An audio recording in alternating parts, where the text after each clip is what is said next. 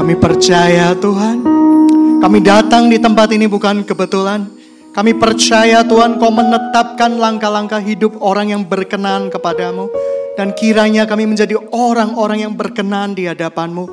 Kuduskan dan sucikan ruangan ini. Kuduskan dan sucikan hati kami. Supaya kami takluk kepada kebenaran firmanmu.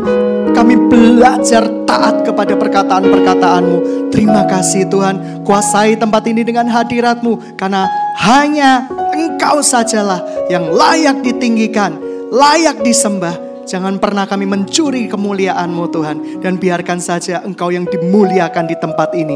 Kristus kekasih kami, Tuhan kami. Dalam nama Tuhan Yesus Kristus. Kamu berdoa dan mengucap syukur. Haleluya. Amin. Shalom. Satu hari ada upaya pemberontakan besar-besaran yang terjadi di kalangan umat Israel yang dipropori oleh Korah, Abiram, dan di bilangan. Iya, Datan, betul. Bilangan 16. Ada pemberontakan dari Korah, Abiram, dan Datan. Sidang jemaat yang dikasihi Tuhan, pada waktu itu Musa dan Harun menjadi pemimpin tertinggi dari umat Israel. Satu kali mereka datang, Korah, Datan dan Abiram dan sebelum mereka datang, mereka mengadakan rapat di seluruh umat Israel dan dipilihlah pemimpin-pemimpin yang sangat cakap menurut pemilihan daripada rapat tersebut yaitu sebanyak 250 pemimpin. Dan mereka datang bersama-sama menghadap Musa dan Harun dan mereka berkata kepada Musa dan Harun, kamu nggak capek jadi pemimpin? Kamu nggak capek jadi ketua? Hei, kami ini umat pilihan Tuhan juga. Kami adalah umat yang diurapi Tuhan juga. Kami sama-sama punya kedudukan dengan engkau. Sehingga jemaat yang dikasih Tuhan tidak ada yang salah dengan perkataan ini. Tetapi ada begitu banyak pelanggaran di dalamnya. Mengapa demikian? Nanti saya ceritakan. Dan mereka datang kepada Musa dan Harun. Lalu Musa dan Harun menjadi panas hatinya. Menjadi marah hatinya. Lalu mereka berkata, Musa dan Harun berkata kepada pimpinan-pimpinan itu, baik, kita akan tahu siapa yang dipilih Tuhan dan siapa yang diurapi oleh Tuhan. Masing-masing bawa bakar-bakaran. Mari kita bakar sesuatu di ukupan di rumah Tuhan. Dan apa yang terjadi? Musa dan Harun membawa perkara ini di hadapan Tuhan. Dan ketika Musa dan Harun membawa perkara kejadian ini di hadapan Tuhan, Tuhan langsung berfirman, saat ini juga ke-250 orang itu akan dilenyapkan di muka bumi ini. Kalau Anda lihat hatinya Musa dan Harun, dia nggak berkata, syukurin Tuhan, mati mereka. Mereka berani-beraninya nentang saya. Tapi tidak. Musa dan Harun langsung sujud, telungkup di hadapan Tuhan. Dan mereka, Tuhan jangan sampai kesalahan satu orang, semuanya engkau lenyapkan. Tapi Tuhan berkata berbeda. Sudah, suruh orang-orang Korah datang. Ya, suruh orang-orang Korah datang. Dan 250 orang itu datang sudah. Percaya, taat saja mereka suruh datang. Dan ketika mereka datang, dan mau melakukan persembahan kepada Tuhan, apa yang terjadi? Peristiwa likuidasi terjadi saat itu. Gempa bumi, bumi terbelah dan seluruh anak istri beserta 250 orang itu betul-betul lenyap di dalam tanah. Tuhan memberitahu kepada Musa dan Harun bahwa dia sudah dipilih oleh Tuhan. Melihat kejadian itu, marahlah bangsa Israel. Bangsa Israel berkata, Musa Harun kamu kejam. Kamu sangat-sangat kejam. Mengapa? Kamu berani melenyapkan pemimpin-pemimpin 250 orang itu. Kamu nggak punya hati, tak? Kamu nggak punya otak, tak? Kamu nggak punya pikiran, tak Musa? Sedang semangat yang dikasih Tuhan. Musa dan Harun tidak salah. Jabatan iman haruslah dari keturunan Harun. Karena itu yang difirmankan oleh Tuhan. Tapi sering kali kita mendengar sesuatu yang kelihatannya masuk akal di telinga kita. Kok memimpin pujiannya langsung ya dipilih, ditunjuk? Kok nggak lewat rapat ya? Wah, ini bukan demokrasi, ini demokrasi namanya. Ini kok langsung dipimpin ya? Kok langsung ditunjuk ya? Kok nggak tahu ya? Worship leader ini kualitasnya itu rendah dibanding dengan suara saya. Ya lebih tinggi saya. Kenapa dipilih seperti itu? Apa-apaan ini? Mungkin berapa banyak orang mendapat pembenaran kata-kata di telinga yang seakan-akan benar. Eh kamu udah dewasa, kenapa kamu diatur-atur oleh pemimpinmu? Kenapa kamu diatur-atur oleh ibu dan bapak rohanimu? Kamu sudah dewasa, kelihatannya benar, kelihatannya masuk akal. Dan sisi ego kedagingan kita langsung meluap. Hati-hati sidang jemaat yang dikasih Tuhan. Hati-hati dengan hal-hal seperti itu. Karena saya percaya kalau Tuhan sudah menetapkan seseorang, Tuhan akan bertanggung jawab dengan seseorang dan Tuhan akan menyelesaikan pekerjaannya di dalam diri seseorang. Saya percaya kalian adalah generasi yang dipilih oleh Tuhan.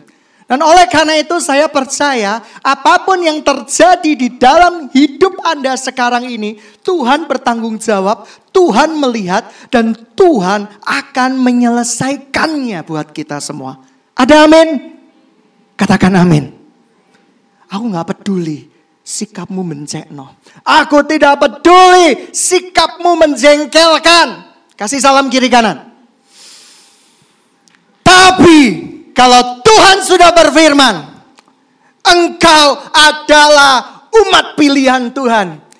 Tuhan akan bertanggung jawab, berperkara dan menyelesaikannya buat kamu. Amin. Amin. Saya nggak peduli, tetapi saya percaya bahwa Tuhan menetapkan langkah-langkah orang yang berkenan di hadapan Tuhan. Satu kali bangsa Israel yang sudah marah, kepada Musa dan Harun. Mereka kehilangan kepercayaan terhadap otoritas yang dipilih oleh Tuhan. Maka Tuhan berkata kepada Musa dan Harun, suruh bangsa Israel ambilkan masing-masing, buatkan satu tongkat Lalu mereka membuat tongkat. Dan Anda tahu proses pembuatan tongkat. Tongkat itu seperti kakek kita yang mungkin jalannya kurang bagus, mereka menggunakan tongkat. Ya, tongkat itu cara proses pembuatannya dari kayu yang dikeringkan, dicelupkan bahan-bahan kimia supaya awet, tidak kena rayap dan sebagainya. Kayu tersebut adalah kayu yang sudah mati, kering dan tidak mungkin hidup. Lalu dibagikanlah ke dua belas tongkat itu. Masing-masing mewakili satu suku. Sidang jemaat yang dikasih Tuhan. Musa dan Harun. Ketika mengalami persoalan di dalam hidupnya. Mereka tidak bertindak menurut amarah mereka. Mereka bertindak berdasarkan apa yang Tuhan mau. Mereka datang masuk ke dalam rumah Tuhan, hadirat Tuhan, dan membawa perkara ini kepada Tuhan. Dan apa yang terjadi sidang semat yang dikasih Tuhan? Ketika tongkat itu dibawa ke kemah pertemuan di dalam hadirat Tuhan, hanya satu tongkat yang bertunas, berbunga, dan berbuah, yaitu tongkat Harun. Tongkat Harun. Dia ber, bunga badam. Bunga badam itu kalau saya selidiki mirip dengan bunga sakura yang berwarna putih gitu loh. Mirip menurut saya. Bagus banget, indah banget. Bagaimana mungkin tongkat yang mati, yang tidak bisa apa-apa, yang sudah dicelupkan cairan-cairan tertentu sehingga tidak memungkinkan untuk hidup kembali dalam semalam bertunas, berbunga, dan berbuah. Saya mau kasih tahu. Mungkin kamu adalah tongkat-tongkat yang sudah mati. Dalam hidupmu sudah terkena begitu banyak racun, cairan kimiawi, cairan yang membenarkan pikiranmu. Tetapi ketika engkau mau masuk ke hadirat Tuhan, ketika engkau mau datang kepada Tuhan untuk membereskan perkaramu, membawa perkaramu, saya jamin hidupmu akan berbuah, hidupmu akan berbunga. Amin. Amin. Dan bunga badam, buah badam itu seperti golongan kacang-kacangan. Dia termasuk jenis dari kacang almond. Kacang almond itu kacang yang paling baik loh. Dia punya manfaat, punya vitamin E, menstabilkan tekanan darah, dia bisa menurunkan gula darah. Amin. Amin. Itu benar itu.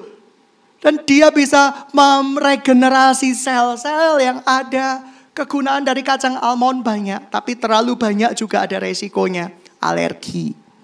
Sidang jemaat yang dikasih Tuhan, kita adalah generasi pilihan Tuhan. Kalau Tuhan sudah berkata, aku mau mengangkat seseorang. Tidak ada seorang pun yang bisa menurunkannya. Saya nggak peduli. Sebetapa buruknya contoh worship leader. Seberapa buruknya pemimpin-pemimpin. Tetapi kalau itu pilihan Tuhan. Tuhan bertanggung jawab dengan pilihannya. Tuhan akan menyelesaikan pilihannya. Dan Tuhan akan menyelesaikannya dengan luar biasa. Dan dengan membawa kemenangan yang sangat-sangat indah. Sidang jemaat yang dikasih Tuhan. Tetapi ketika Tuhan berkata, percayalah kepadaku. Saya belajar mempercayai Tuhan. Karena saya percaya Tuhan pemilik hidup kita. Tuhan yang menentukan nasib kita, langkah-langkah kita, dan oleh karena itu kita belajar percaya saja. Ketika awal pendirian sekolah, ketika awal pendirian segala sesuatu, ketika gereja ini berdiri, semuanya diawali dengan kata percaya saja. Aku yang akan menuntunmu, aku yang akan membimbingmu, dan aku akan yang menyelesaikan umat pilihanku di tempat ini.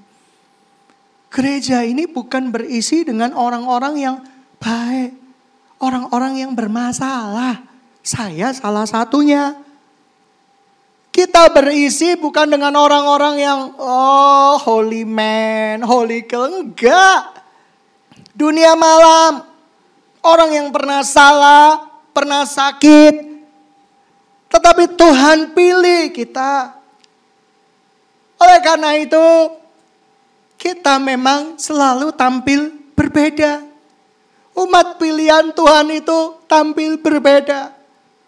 Tapi Tuhan sudah memilih, Tuhan sudah menyertai kita selama ini, dan Tuhan akan menyelesaikannya buat kita.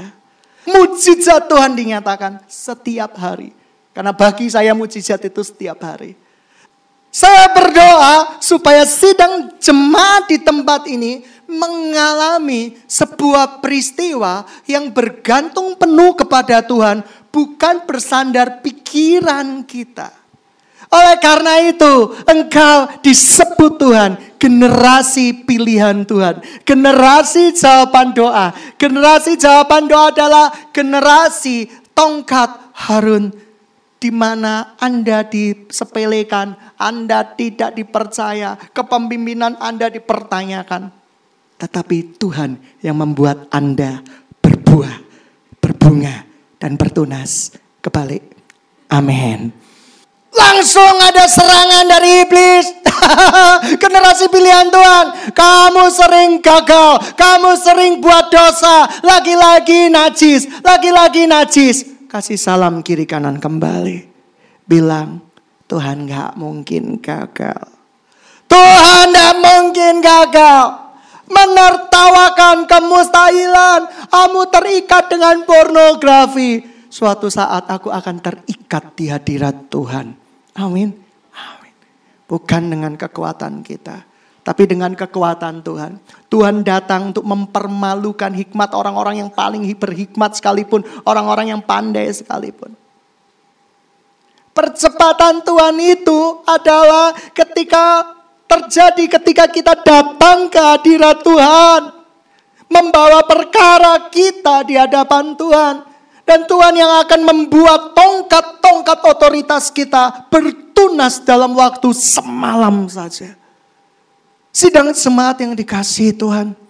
Oleh karena itu, jangan mau diintimidasi iblis. Kamu bodoh, kamu gagal, kamu kok masih mau aja. Dijadikan boneka oleh papa rohanimu, mama rohanimu. Kapan kamu mau bangkit? Bilang sama iblis-iblis, Aku bergantung penuh sama Tuhan. Aku bonekanya Tuhan. Aku pensilnya Tuhan. Lu mau apa? Kita punya cara untuk percaya dan bergantung penuh kepada Tuhan. Iblis punya segudang cara untuk penuduhan kepada kita. Mana mungkin berhasil, mana mungkin bisa Ketika sekolah kami ada di sebuah lahan yang sangat kecil, yang sangat terbatas. Bagaimana mungkin sekolah yang kecil dan kamu pikir orang-orang yang di dalamnya adalah orang-orang yang kira-kira super hebat, IP-nya 4, enggak. Orang-orang yang menurut dunia masih anak kecil kok diangkat jadi pemimpin. Bisa-bisa berantakan tempat ini. Tapi kalau Tuhan sudah berkata dia generasi pilihan, dia pemimpin pilihan, mau apa? Tuhan yang akan meningkatkan, Tuhan yang akan menaikkan, dan Tuhan yang akan menyelesaikan. Saya berdoa, sekolah ini bisa bersaing, sekolah ini bisa berdampak, sekolah ini bisa mengalahkan raksasa-raksasa pendidikan. Karena bagi saya pribadi, apa sih yang gak mungkin buat Tuhan kita? Apa sih yang gak mungkin buat Tuhan kita? Mungkin Anda berkata, cari jiwa itu susah. Kamu sih gak datang ke hadirat Tuhan. Datangnya dengan pikiran sendiri. Saya heran, zaman sekarang kok zaman seperti zaman dulu dunia sudah berubah men. Oleh karena itu, anggur itu harus selalu baru, jangan pakai anggur lama. Tapi lain zaman lain cara. Anggur Tuhan itu selalu baru, jangan pakai anggur yang lama. Ngajak. Belajar mengajak. Kalau firman itu tidak disampaikan, bagaimana orang mengetahui kebenaran firman itu? Sampaikan firman itu, ngajak. Jangan daganganmu aja yang diajak. Kalau dagangan kita, ngajaknya itu brilian. Huh, nanti ada makan mewah bersama dengan artis terkenal. Huh, Hao Sen. Gila enak ini. Ayo, ayo, ayo, ayo datang. Tapi saya mau kasih tahu sidang jemaat yang dikasih Tuhan. Kalau engkau tidak membawa perkaramu di hadapan Tuhan. Berdoa, meminta urapan dari Tuhan. Bagaimana mungkin Tuhan akan membuatnya jadi di dalam hidupmu. Bagaimana mungkin tongkat itu akan berbunga kalau tongkat itu tidak diserahkan di hadirat Tuhan, di kemah pertemuannya Tuhan. Sidang jemaat yang dikasih Tuhan, ajak, ajak, dan ajak. Perkataan itu jauh lebih tajam daripada semuanya. Perkataan itu seperti benih dan ketika satu kali benih itu akan berbuah dan berbunga pada waktunya. Sidang jemaat yang dikasih Tuhan. Percayakah Rekom kalian akan mengalami mujizat tahun ini? Amin. Aku percaya. Rikomku akan berbunga. Akan berbuah. Aku percaya rikomku akan bertunas. Aku percaya persekutuan-persekutuan doa di sekolah-sekolah yang Tuhan percayakan kepada kami akan berbunga, bertunas. Saya percaya itu. Karena Tuhan sudah menetapkan tahun ini adalah tahun perjanjiannya. Tuhan sudah menetapkan tahun ini adalah tahun di mana kita melihat kasihnya yang tak terbatas. Dan oleh karena itu jangan main-main dengan janji Tuhan. Janji manusia janji palsu. Janji mantan itu janji palsu. Tapi janjinya Tuhan tidak pernah palsu. Amin. Amin. Saya mau tanya. Hari-hari ini terkenal dengan yang namanya 10 year challenge. Iya kan? Wajahmu 10 tahun yang lalu bagaimana? Wajahmu sekarang bagaimana? Amin. Ada yang dulunya ya seperti itu. Sa Akhirnya sekarang bagaimana? Lucunya berita ini sudah mewabah di anak-anak kelas 1 dan 2 SD. Dan mereka berkata, yuk ikut 10 year challenge. Saya langsung garuk-garuk kepala, Berarti foto yang pertama itu apa ya titik atau sinar gitu ya. Karena umur mereka belum 10 tahun. Orang ini lata. Banyak banyak orang yang lata. Beneran loh. Kelas 1 SD, mamaku mau ikut 10 year challenge yuk kita ikutan yuk. Gak mikir apa. Saya mau panggil guru matematikanya. Karena setiap tahun kita diperintahkan Tuhan untuk bertumbuh, berbunga, berbuah. Dan itu menjadi satu kepastian di mata Tuhan. Jadi sidang semangat yang dikasih Tuhan, saya percaya pelayanan itu diperoleh bukan karena suka-sukaan. Saya mau di Korea, semuanya mudah. Semuanya bisa dikaryakan, plastik pun dikaryakan jadi operasi. Uh, iya kan? Jadi saya percaya bahwa apa yang terjadi di dalam kehidupan ini Tuhan bertanggung jawab di dalam kehidupan kita. Tuhan menetapkan langkah-langkah kita dan oleh karena itu don't worry. Tuhan akan menyelesaikannya buat kita. Jangan lewatkan kesempatan yang diberikan Tuhan. Saya percaya engkau akan mengembang ke kanan ke kiri dalam arti rohani bukan fisik. Dan keturunanmu akan memperoleh bangsa-bangsa. Dan saya percaya Tuhan akan membuat sebuah lompatan-lompatan iman yang kamu sebenarnya tidak percaya itu akan terjadi. Tapi itu akan terjadi di dalam hidupmu. Siapa yang percaya tahun ini tahun lompatan iman buat engkau? Angkat tangan. Siapa yang percaya tahun ini kamu jadi pemimpin? Angkat tangan. Belajar. Belajar sungguh-sungguh melayani Tuhan. Amin. Belajar sungguh-sungguh. Kalau diberikan kesempatan untuk ngomong, diberikan kesempatan untuk Tuhan berbicara, jangan bilang sudah cukup. Jangan begitu. Kalau diberikan kesempatan sama Tuhan untuk berbicara, ayo ngomong, oh, bicara. Oh. Itu kesempatan oleh Tuhan. Kalau diberikan kesempatan menjadi worship leader, gunakan kesempatan itu dengan baik. Saya rindu satu kali tempat ini memiliki asrama pasukannya Tuhan. Saya dapat mimpi dari Tuhan. Saya rindu ada sekolah berasrama. Saya rindu Tuhan bikin asrama. Tapi uangnya dari mana aku nggak tahu Tuhan. Aku nggak tahu. Tapi engkau yang akan menyelesaikannya bagiku. Oleh karena itu sidang semangat yang dikasih Tuhan. Kita rindu ada kegerakan anak-anak muda. Anak-anak muda. Kamu tahu young man. Kalau di Amerika dan di negara-negara tertentu usia 50 itu disebut young man. Saya terkejut. Barack Obama menjadi presiden di usia yang sangat muda, biro 50 lebih. Hei, jangan merasa kamu udah tua. Kamu meremehkan dirimu sendiri. Aku udah 25. Aku udah tua. Aku udah seperempat abad. Nanti yang belasan tahun, aku sudah seperdelapan abad. Abadnya yang dilihat. Seperempatnya nggak dilihat. Aku udah 30. Sebentar lagi 40. Oh Tuhan.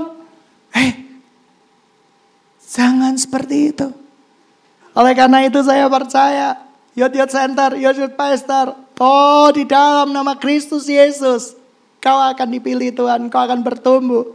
Dan kau akan berbuat tepat pada waktunya. Tahun ini tahun untuk kemuliaan Tuhan. Tahun ini tahun perjanjiannya Tuhan. Tahun ini kasih Tuhan tanpa syarat akan dilimpahkan kepadamu. Saya percaya itu. Lalu bagaimana anak-anak Tuhan? Pertama kalau kita belajar dari bilangan 16 dan 17 ini. Ketika engkau dipilih oleh Tuhan. Dipercayai oleh Tuhan lewat pemimpin-pemimpin rohanimu. Belajar untuk terpengaruh dengan keadaan sekelilingmu yang berkata, "Udah saatnya engkau pensiun. Ini saatnya anak-anak muda yang menggantikanmu. Sudah saatnya engkau tahu diri." engkau sudah tidak di universitas itu lagi. Sudah saatnya engkau tahu diri, usiamu udah berapa? bahwa perkara itu ke Tuhan. Saya lihat Musa dan Harun ini luar biasa. Dikeroyok 250 pemimpin hasil musyawarah mufakat. Tidak bergeming. Karena dia tahu Tuhan sudah memberikan tongkat imam itu pada keturunan Harun. Oleh karena itu, Tuhan sudah percayakan tongkat itu kepada kamu.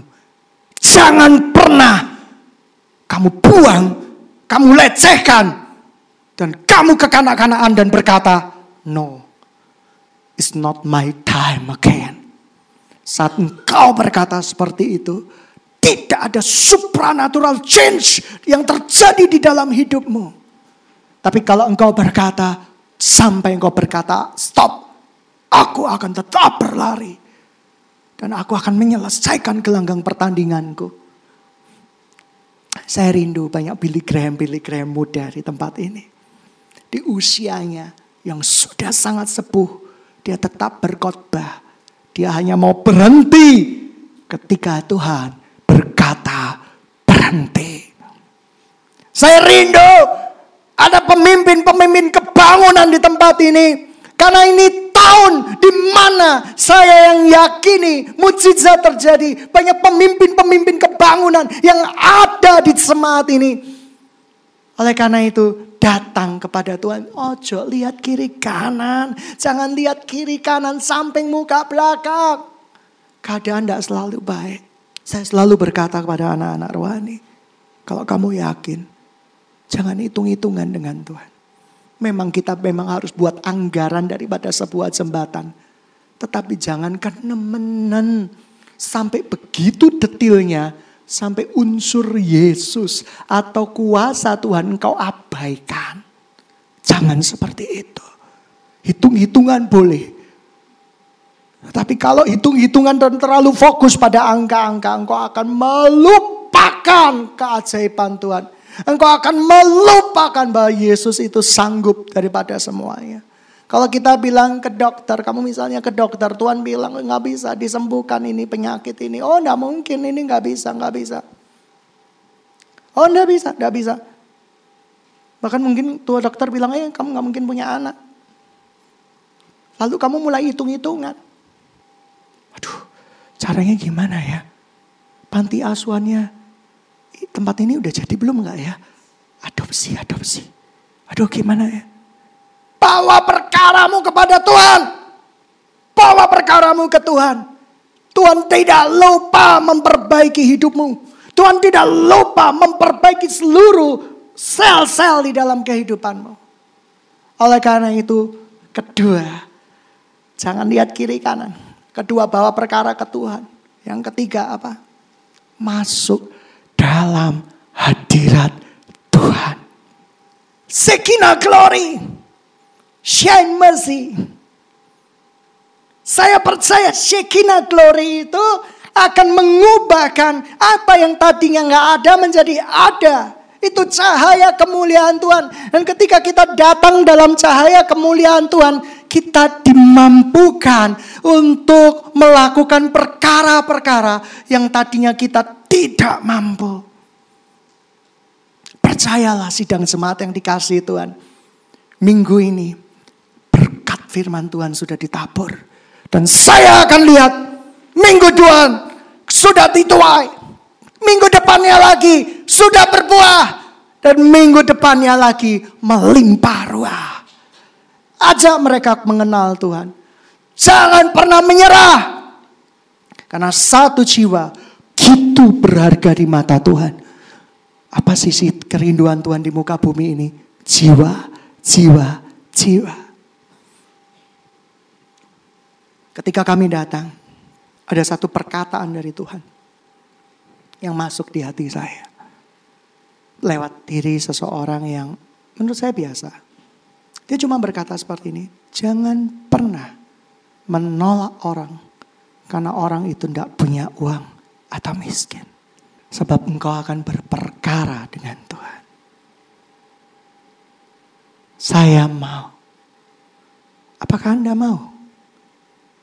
Kita dulunya bukan siapa-siapa. Saya di siapa sih? Mas supir. Bahasa kerennya driver. Kalau dulu ada Grab ya mungkin saya cuma sopir Grab. Dengan mobil pinjaman. Tapi kalau Tuhan bisa mengangkat seseorang Tuhan bisa mengangkat engkau juga. Amin. Amin.